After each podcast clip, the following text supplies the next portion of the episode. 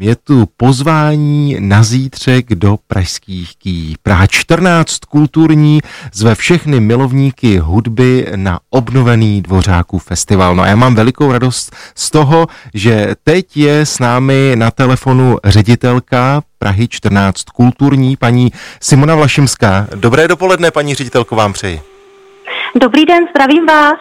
Jsem rád, že jste si na nás udělala čas, protože je mi jasné, že se vše chystá na zítřek, tak mluvil jsem o tom, že ten zítřejší koncert v Kých se uskuteční v rámci obnoveného Dvořákova festivalu. Aha. Tak eh, možná prozraďte nám, jak vlastně došlo k té obnově Dvořákova festivalu. Náš pan nový ředitel Dvořákova festivalu, pan Jakub Hrubý, v době lockdownu v souvislosti s covidovou pandemí přemýšlel, jak pozbudit kulturu a cestovní ruch a mimo jiného napadlo, že by bylo fajn důstojně uctít eh, právě 180. výročí narození hudebního skladatele Antonína Dvořáka.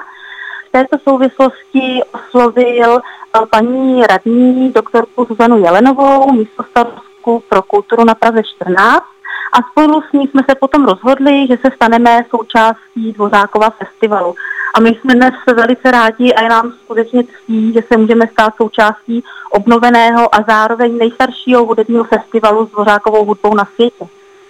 Ten Dvořákův festival je svým rozsahem velmi široký, stejně tak jako místa festivalu, ale hned několik koncertů se bude konat na Praze 14, tak zítra to bude ten koncert zahajovací, mm-hmm. který se uskuteční na Farní zahradě v Kých, ale ještě předtím, než se dostaneme k tomu zítřejšímu koncertu, řekněte mi obecně, na jaké koncerty se můžeme těšit právě na území Prahy 14? Kromě toho našeho zítřejšího koncertu se na vás bude těšit duo Jakub Jedlinský a Pavel Fischer. To bude 7. srpna v 19 hodin ve volnočasovém centru H55 v Praze 9 Hloubětíně. A na konci prázdnin 28. srpna také v 19 hodin v našem volnočasovém centru na pechárně Černý most. A tady se můžeme těšit na Moniku Načevu a Michala Pavlíka. Zítra tedy otevřou festival Prague Rhythm Kings, což je ano? profesionální orchestr, který eh, se zabývá jazzem. My o tom píšeme více na našem webu. Zazní hudba 20. a 30. let minulého století. Jak už několikrát zaznělo, ten koncert se uskuteční na farní zahradě eh, vedle nádherného kýského kostela, historického místa a Samozřejmě eh, mě zajímá otázka, jak to bude se vstupenkami, kdo se tam dostane, kdo se tam nedostane, co všechno je důležité splnit, protože v dnešní době na to musíme všichni myslet každý den, co všechno je potřeba splnit, abychom mohli zítra na farní zahradu na ten zahovací koncert. Tak my věříme, že na koncert se dostane úplně každý.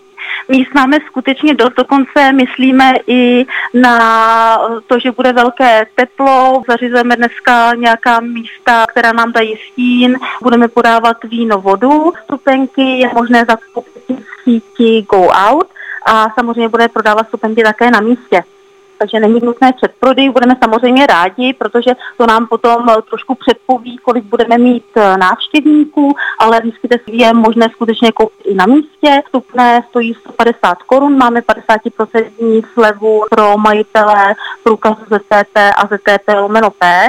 A co se týká uh, omezení v souvislosti s covidem, tak tam jsou taková ta klasická rouška, respirátor, nicméně my budeme mít uh, místa s, vlastně s rozestupy, takže nemusíte se bát, že vlastně dojde k dodržení pravidel, na místě budou organizátoři a my skutečně všem rádi poradíme, pomůžeme.